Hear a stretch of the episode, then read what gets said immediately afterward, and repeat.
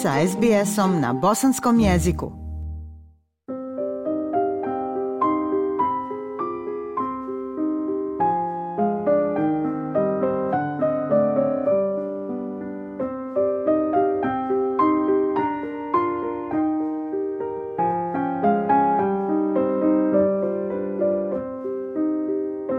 Slušate program SBS radija na bosanskom jeziku.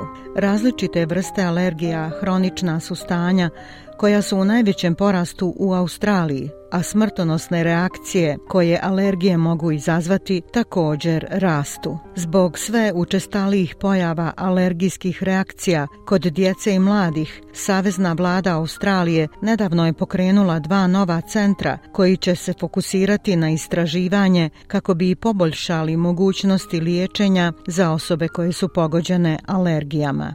Prilog Debore Grork Phoebe Lynch je majka dvoje djece koja živi u Melbourneu.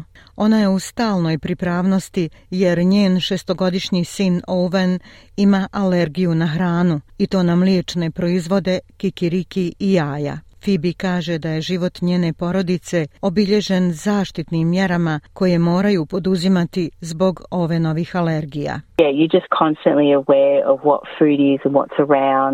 Da stalno ste svjesni šta hrana sadrži i šta je okolo um, u opticaju. Uvijek provjeravate ambalažu i deklaraciju na um, proizvodima. Mnogi proizvođači često mijenjaju sastojke, tako da nešto što bi moglo biti sigurno za nekoliko mjeseci možda su promijenili promijenili svoje linije za preradu ili nešto slično, tako da se na taj način povećava rizik. To je prilično stresno kada mislite da je vaš i onako ograničeni asortiman hrane siguran, a ponekad se to može promijeniti prilično brzo. Ova vrsta najveće budnosti je način života mnogih australskih porodica – zapravo, kako kaže pomoćnica saveznog ministra zdravstva Jed Carney. Australia has the dubious credit of actually having the highest level of allergies in the world. Australija ima neslavnu zaslugu i zvanje zemlje da ima najviši nivo alergija na svijetu.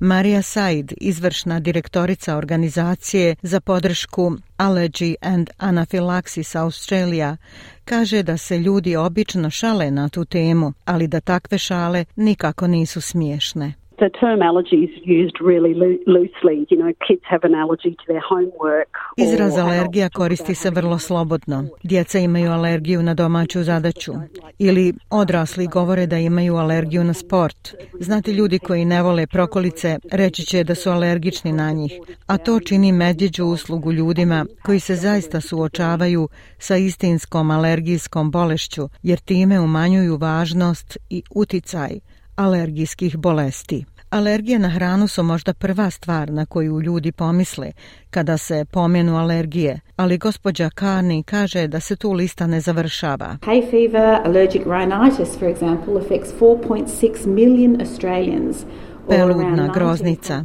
Alergijski rinitis, na primjer, pogađa 4,6 miliona Australaca ili oko 19,3% stanovništva. To je nevjerovatno, jako veliki broj. Hronični sinusitis pogađa još 2 miliona ljudi ili 8,4% stanovništva. Prijavljene su alergije na lijekove od 4,7% stanovništva, dok alergije na hranu pogađaju oko 10% novorođenčadi, skoro 5% djece i 2% odraslih u Australiji i Novom Zelandu. Stručnjaci kažu da je prava zdravstvena njega od ključnog značaja kada je riječ o alergijama jer izloženost alergiji može biti fatalna.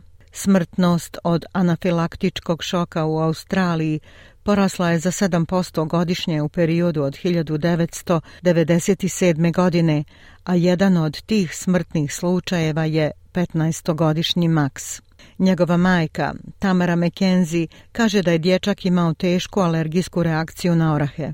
We were an informed family and we had traveled to remote villages all Bili smo dobro informisana porodica i bez problema smo putovali u udaljena sela širom svijeta ali on je umro od anafilaktičkog šoka u centru Melburna. Gospođa McKenzie kaže da bi bolji medicinski tretman vjerovatno spasio njihovog sina. He developed sudden asthma as his main symptom and we now know that this is how most young people with food allergy die from anaphylaxis. Razvio je iznenadnu astmu kao njegov glavni simptom, a sada znamo da na ovaj način većina mladih ljudi sa alergijom na hranu umire od anafilakse. Max je koristio svoje epipen i svoj ventolin i ušao je u zdravstvenu zaštitu sa 100% nivoa kisika i bio je u mogućnosti da razgovara i tačno objasni šta mu je bila dijagnoza i zašto je u bolnici. Ali uprkos tome stanje se pogoršalo i nije dobio njegu zdravstvenih radnika kako je trebao imati. Bolji tretman je upravo ono što savezna vlada kaže da želi podržati. Najavljeno je gotovo 27 miliona dolara za finansiranje stvaranja Nacionalnog savjeta za alergije i prvog nacionalnog istraživačkog centra u zemlji. Centar će voditi vanredna profesorica Kirsten Peret. Ona kaže da je bolji sistem zdravstvene zaštite od ključnog prioriteta.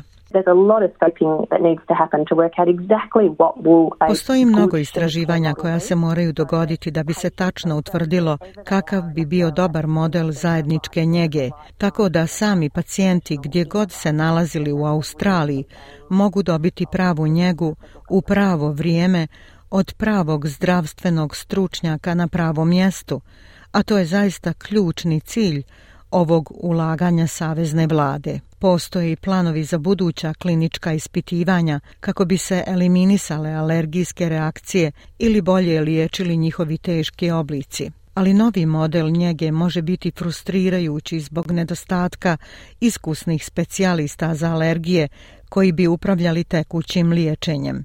Jed Carney kaže da im nedostaju iskusni stručnjaci. Trenutno su liste čekanja za ekcem u nekim regijama do četiri godine, a neke javne alergijske klinike ne mogu primiti pacijente koji žive s hroničnim alergijskim rinitisom zbog zahtjeva sve većeg broja ljudi koji žive s rizikom od anafilakse.